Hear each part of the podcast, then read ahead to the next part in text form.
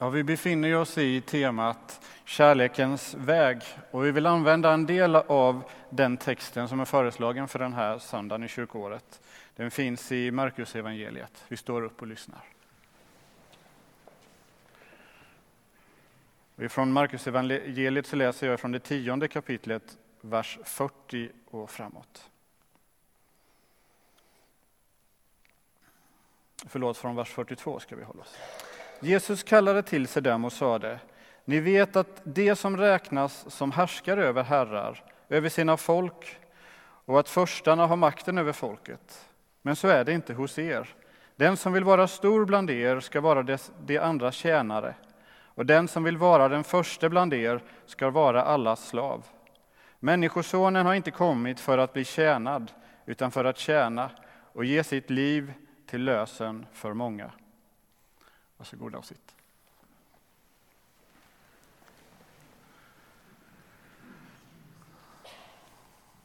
Och predikan idag kommer innehålla tre olika delar. Först vill jag dela med mig om, av en berättelse som jag hittade i en tidning. Och så kommer vi också få lyssna till en sång här av Henrik och Jesper och så knyter jag ihop det med några tankar. Som jag sa förra söndagen när jag predikade runt vardagsgud så hade jag två teman som jag kände lite extra för under min tid som föräldraledig. Och när jag känner extra för dem så tror jag också att det är något som är angeläget för oss alla. Det här handlar alltså om att mitt hem kan få bli ditt hem och tvärtom. Och den tidningen jag läste tror jag inte så jätteofta används just i Eh, gudstjänstsammanhang. Det är en tidning som heter Filter och som handlar om saker som händer runt omkring. De sätter analys på omvärlden. Just det här reportaget hade rubriken Halleluja. Och den som satte den rubriken träffade väldigt rätt den gången, ska jag säga. Ibland används det där ganska slarvigt. Den här gången var det väldigt sant och väldigt rätt. Den handlar bland annat om detta. Först ett citat av en kille som heter Ali Abdi Aden. De andra får ju spela fotboll och göra sånt de vill göra. Jag vill spela boll. Att han sa så kom att förändra hans liv och det kom att förändra många andra människors liv. Han hade lämnat Somalia. Allt han hade med sig var en väska med kläder. Han kom till ett land som han inte visste mycket om, man hade hört att här kan de ta hand om folk. De kan ge en utbildning och sånt där. Med den packningen och med den kunskapen så landade han på flygplatsen i Arlanda. Och han tog kontakt med första bästa som hade uniform och hamnade på, via Migrationsverket på ett ungdomsboende. Han var 16 år när det här hände, 2009. Och han var en av 2250 ensamkommande flyktingbarn det året. Där fanns en pedagog som hade till uppgift att hitta det som de tyckte var riktigt roligt, de här ungdomarna, som kunde göra att de fick använda sin talang och fick landa lite i det. Att de hade kvar något av det de hade sedan innan. Och Ali ville spela boll. Det var aldrig en önskan de hade fått innan. Men handläggaren försökte att leta reda på bollföreningar. Många hade inte aktiviteter året runt. Många hade inte en organisation som klarade det. Hon fick nej efter nej efter nej. Men så till slut, och hon kämpade länge för Ali kom varje dag och frågade, har du hittat någon? Nej, sa hon. Har du hittat någon? Nej. Men sen till slut, efter en månad, så kunde hon säga, ja, nu har jag hittat en förening. Sitting Bull heter de. De spelar i elitserien. Han plockade med sig åtta kompisar, tror jag det var, han kom in i lokalen, han tog upp ett klot och så slängde han iväg det och gjorde en karå, någonting tror jag det heter. Emelie är ju experten på franska här och hon log så det var inte helt rätt tror jag inte. Men, men han gjorde ett väldigt fint kast i alla fall och träffade det här, knockade bort en motståndares klot. Ungefär som ett, jag som kan fotboll, det är väl ungefär som att hänga upp bollen i krysset tror jag man kan säga. Och de som var där och spelade stannade upp och tittade, vad är det här för kille? De andra behövde ganska mycket instruktioner och hjälp. När de skulle gå hem så kom det fram en från klubben eh, som hade stått och tittat lite i bakgrunden och sa Alltså den här killen, ni har köpt de här kloten på bensinmack va? Han måste få något annat. Han är något extra. Och där följer en spännande berättelse om Bull som ni får leta upp och läsa i Filter. Men det är en väldigt häftig resa som gjord för en film. Men i det här så finns det en annan berättelse och det är den jag vill ta med er in en, lite djupare i. Han fortsatte att komma dit och han fick liv på hela föreningen som verkligen lyste upp av det här som hände mitt i deras lunka på-vardag. Ett par som hette Lotta och Hasse samlade nu alla medlemmar och berättade om när hon skulle jobba i Frankrike och hennes sambo skulle följa med dit. Han hade gått ner till en bolpark och spelat boll. Och där hade de blivit så oerhört väl mottagna. Han kunde ingen franska, men det var öppna armar och det var en väg rakt in till Paris, rakt in till dem de lärde känna där. Nu, sa de, kan vi få göra det här i våran klubb.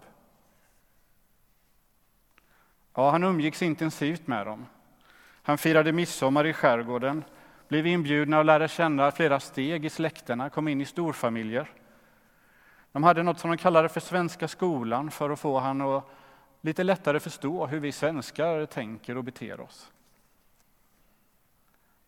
Och efter ett tag kunde de konstatera Ali fick fem nya farsor och åtta morsor på en gång.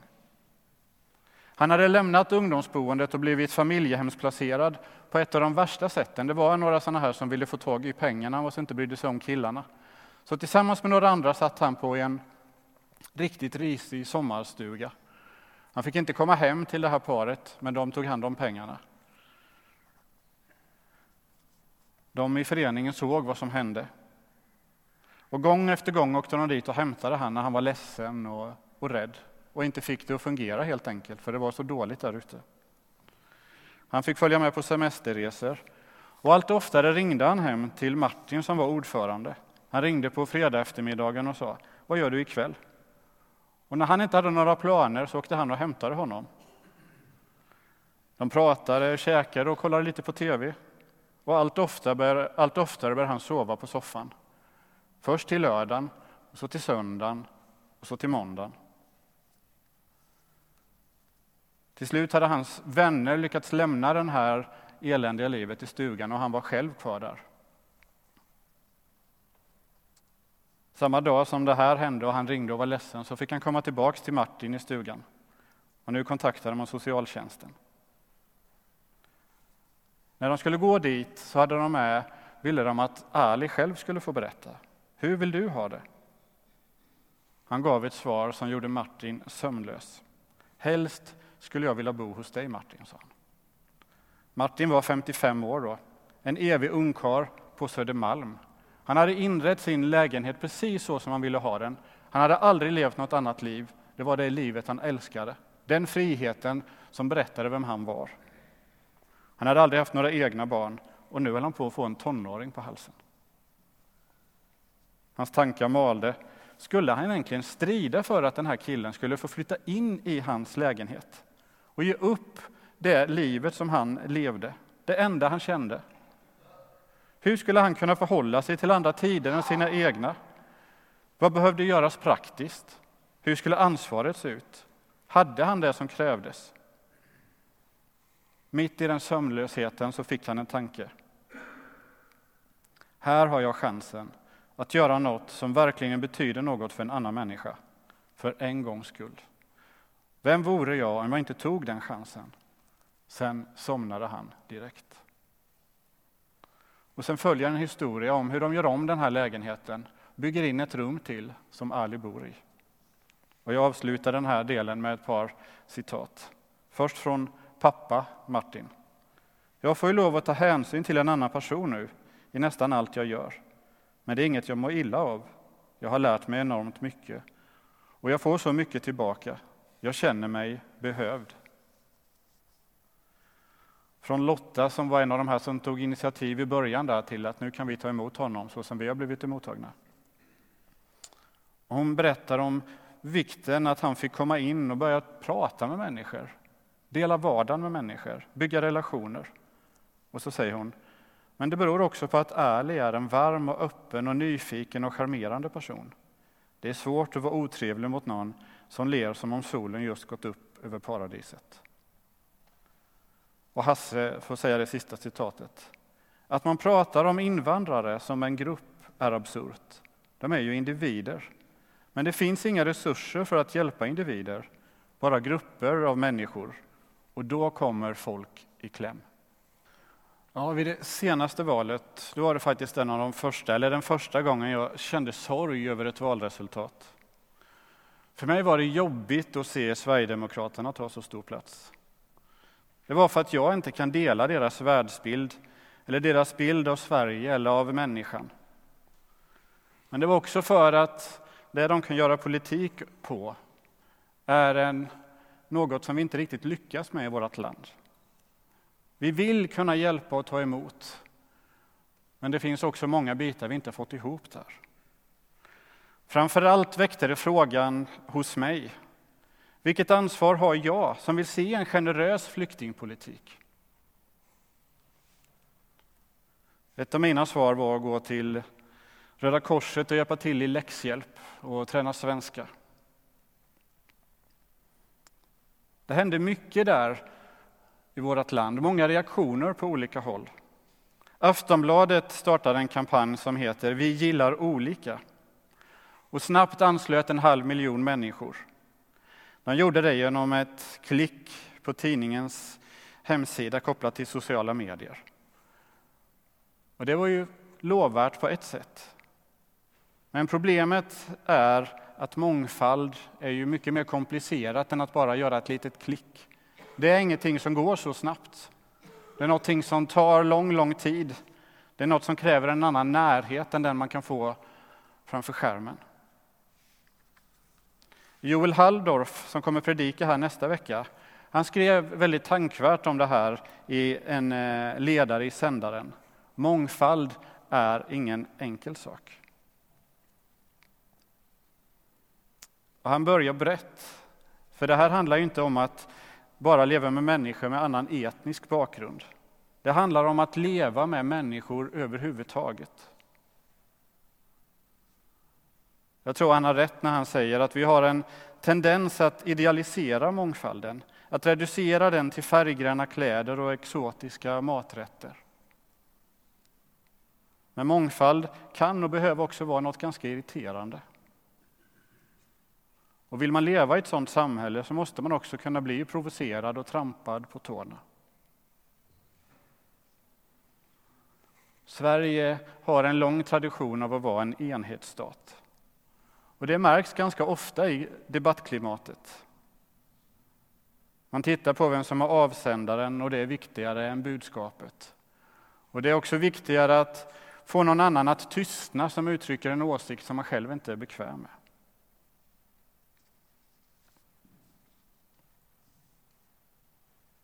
Tillbaks till vi gillar olika. Och det man kan ta med därifrån är att jag tror att människan i grunden har en god vilja. Man längtar efter att vi ska kunna leva så här tillsammans trots att vi har mycket olikheter. Men det är så lätt att ta genvägar. Det finns många länder med tydliga enhetskulturer. Det finns många likformiga församlingar.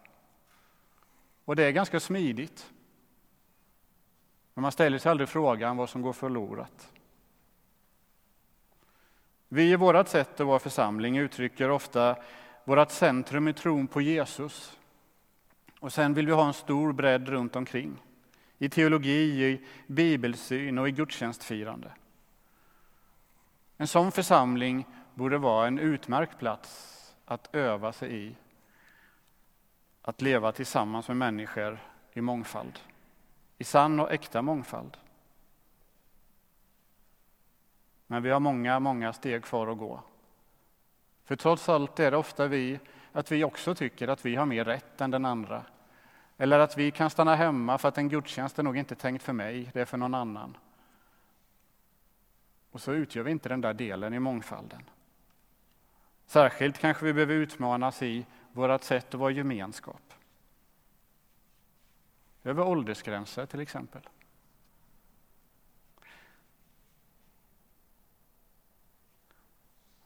Varje samhälle och tid har sina grupper som riskerar att möta extra många svårigheter. Så var det också på Gamla testamentets tid. Och här talar man om en sån, några sådana grupper vid upprepade tillfällen. Man lyfter särskilt fram den fattige, den faderslöse, änkan och invandraren. I en del retorik låter det som att invandring är något nytt. Det har alltid funnits. Så länge människan har funnits har det funnits invandring. För vi lever på ett jordklot som tvingar människor på flykt. Daniel Gran som skriver i tidningen Dagen skrev en, en rubrik som löd Världens flyktingar är vår tids sociala kallelse. Samma sak som det var skrivet i Gamla testamentet. Och där talar man om flyktingens rättigheter, att de inte får åsidosättas, att de inte får utsättas för våld eller förtryck. Tydligt uttryckt är det i Moseboken, den tredje Moseboken, kapitel 19 och vers 34. Invandraren som bor hos er ska ni behandla som en infödd. Du skall älska honom som dig själv. Och som en särskild hälsning till Israel och deras historia. Ni var ju själva invandrare i, i Egypten. Jag är Herren, er Gud. Du ska älska honom som dig själv. Det här går ju att lägga tillsammans med det bud som Jesus gör. Allt vad ni vill att människor ska göra för er, det ska ni göra för dem. Du ska älska din nästa som dig själv. Och här är alltså invandraren min nästa. Trots att våra liv en gång har levt så långt ifrån varandra så är vi nästor till varandra. Jag fortsätter med några ord från Jesus, det är från bergspredikan. Och där talar han retoriskt till de som lyssnar och till oss idag. Om ni älskar dem som älskar er, ska ni då ha lön för det? Gör inte tullindrivarna likadant? Om ni hälsar vänligt på era bröder och bara på dem, gör ni då något märkvärdigt? Gör inte hedningarna likadant? Jag tror vi får en hälsning som lyder Se människan, se medmänniskan, se nästan i den du möter. För församlingens gemenskap så får vi ju fantastiska bilder hur vi ska se på varandra. Ifrån Galaterbrevet. Nu är ingen längre jude eller grek, slav eller fri, man eller kvinna. Alla är ni ett i Kristus Jesus. Och i Kolosserbrevet. Då ingen grek eller jude, omskuren eller oomskuren, barbar, skyt, slav eller fri. Nej, Kristus blir allt i alla. Och några av de folkslagen som räknades upp där tillhörde dåtidens lägst stående folkgrupper. Men i den här läran så fanns ingen sån hierarki. Det här är kopplat in till det som sker i församlingens gemenskap, in i dopet. Det är en gemenskap vi har fått precis på samma sätt som vi har fått nåd att leva av. Och jag kan bara läsa de här texterna konkret och bokstavligt. De sätter ut ett villkor för hur vi ska se på varandra. Sluta med tröttsamma etiketter, med förutfattade meningar. Placera inte in i ett fack så fort ni bara kan. För ni kan inte göra det utan att också lägga med en hierarki. Se varandra som jämlika, som syskon. Genom dopet går vi in i en ny skapelse. Jag tänker att det som händer där är också det Gudsrike som ska spränga fram och bli mer och mer synligt. Och i det riket ska inte det fastna bara i församlingens gemenskap, utan det säger hur vi också ska möta alla människor. Respekt och tolerans är moderna ord, men de rymmer också lite distans och avstånd.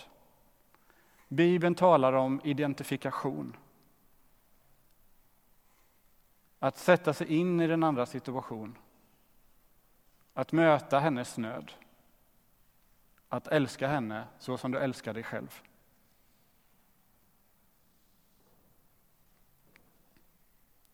Ja, jag kan ofta vara stolt över att vara svensk. ibland lite förlägen. Ibland kan jag känna ilska. Och jag vet att jag borde vara mycket mer tacksam för så mycket som fungerar. Men att vara svensk är för mig underordnat att vara en del av Guds rike. Det är min främsta tillhörighet. I ett rike som inte känner några begränsningar geografiskt. Jag tror vi behöver de här goda berättelserna som den jag berättade om Ali här innan. Hur han dimper ner i några människors liv och vad det får för konsekvens för dem alla. Det kan hända i en bolförening och det kan hända i en kyrka. För vi bekänner oss till en Gud som inte vet vad hopplöshet är till slutändan. I en undersökning som presenterades för några månader sedan så sa nio av tio elever vid Svenska för invandrare att de längtar efter svenska vänner. 90 procent. Det är relevant fakta. Vi hör så många varningar och så mycket oro om att vårt land ska splittras så att det inte går med integrering. Men nio av tio vill ha svenska vänner. Och hur många av de övriga som redan har det, det kan jag inte svara på. Här har vi en insats. Här har vi en uttryckt längtan, en bön om vänskap.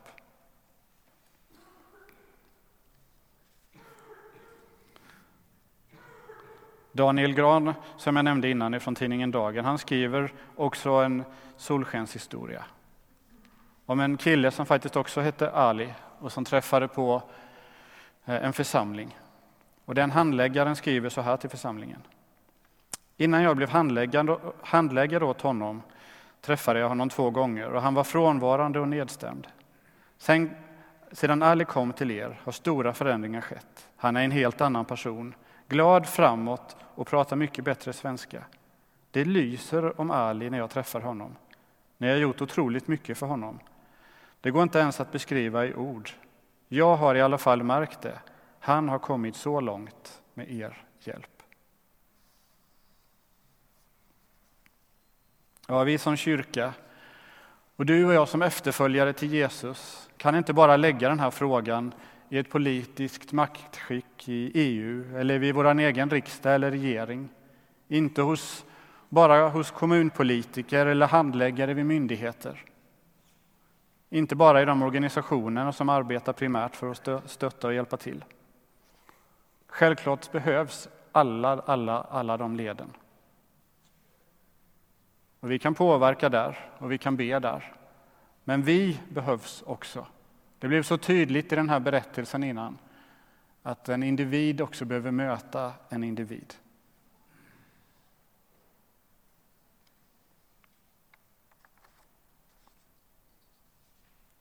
Jag gillar den sången som vi hörde Henrik och Jesper sjunga innan, som är skriven av Thomas Andersson Vi.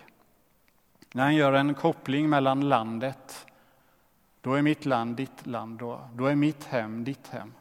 För jag tror det är så det måste vara. Det är den direkta motsatsen till stängda gränser.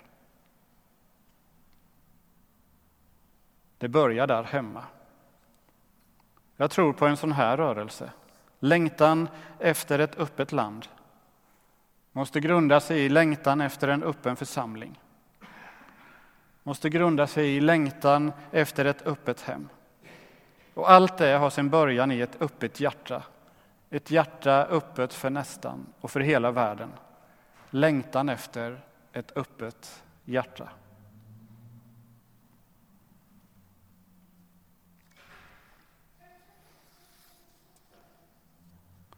Jag vill avsluta med ett bibelord från Hebreerbrevet. Där står det, kom ihåg att visa gästfrihet, ty det har hänt att de som gjort det har haft änglar till gäster utan att veta om det. Och även om det inte skulle vara änglar som träder över tröskeln så kan det få bli ett besök som förändrar. Och Det är tydligt att även den här gästfriheten handlar om de som finns utanför den närmaste bekantskapskretsen. För de vet vi ju faktiskt att de är inga änglar, även om de är väldigt härliga. Nej, det här handlar om främlingar. När jag växte upp så talade man ofta om att man skulle få främmande. Jag vet inte, säger man så fortfarande? Vi ska ha främmande. Men det var väldigt sällan det kom någon som var främmande hem till oss. Det var ju samma gamla gäster.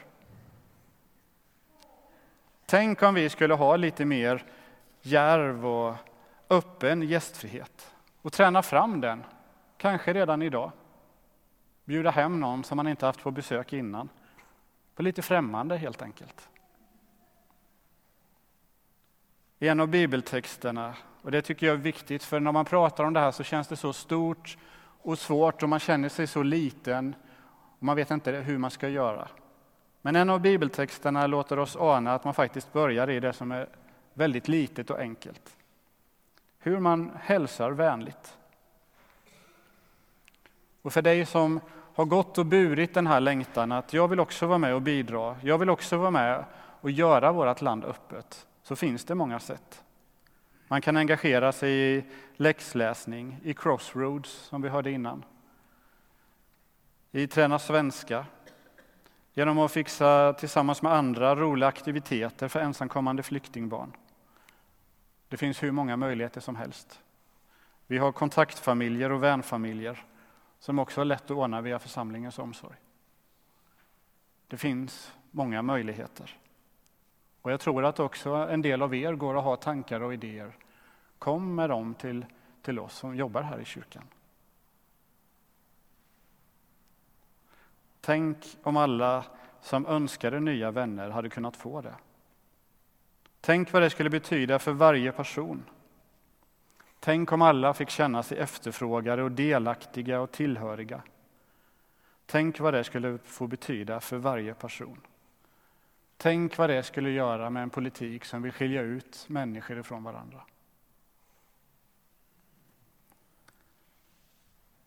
Jag vill avsluta med, på samma sätt som den artikeln i Dagen avslutades. Min bön är att få empati, handlingskraft och mod att bryta med bekvämlighet och feghet. Kanske är det en bön som fler behöver be.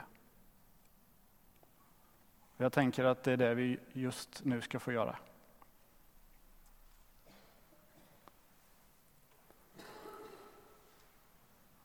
Ja, herre, vi är kallade att leva ute i en värld som är stor och komplex och svår.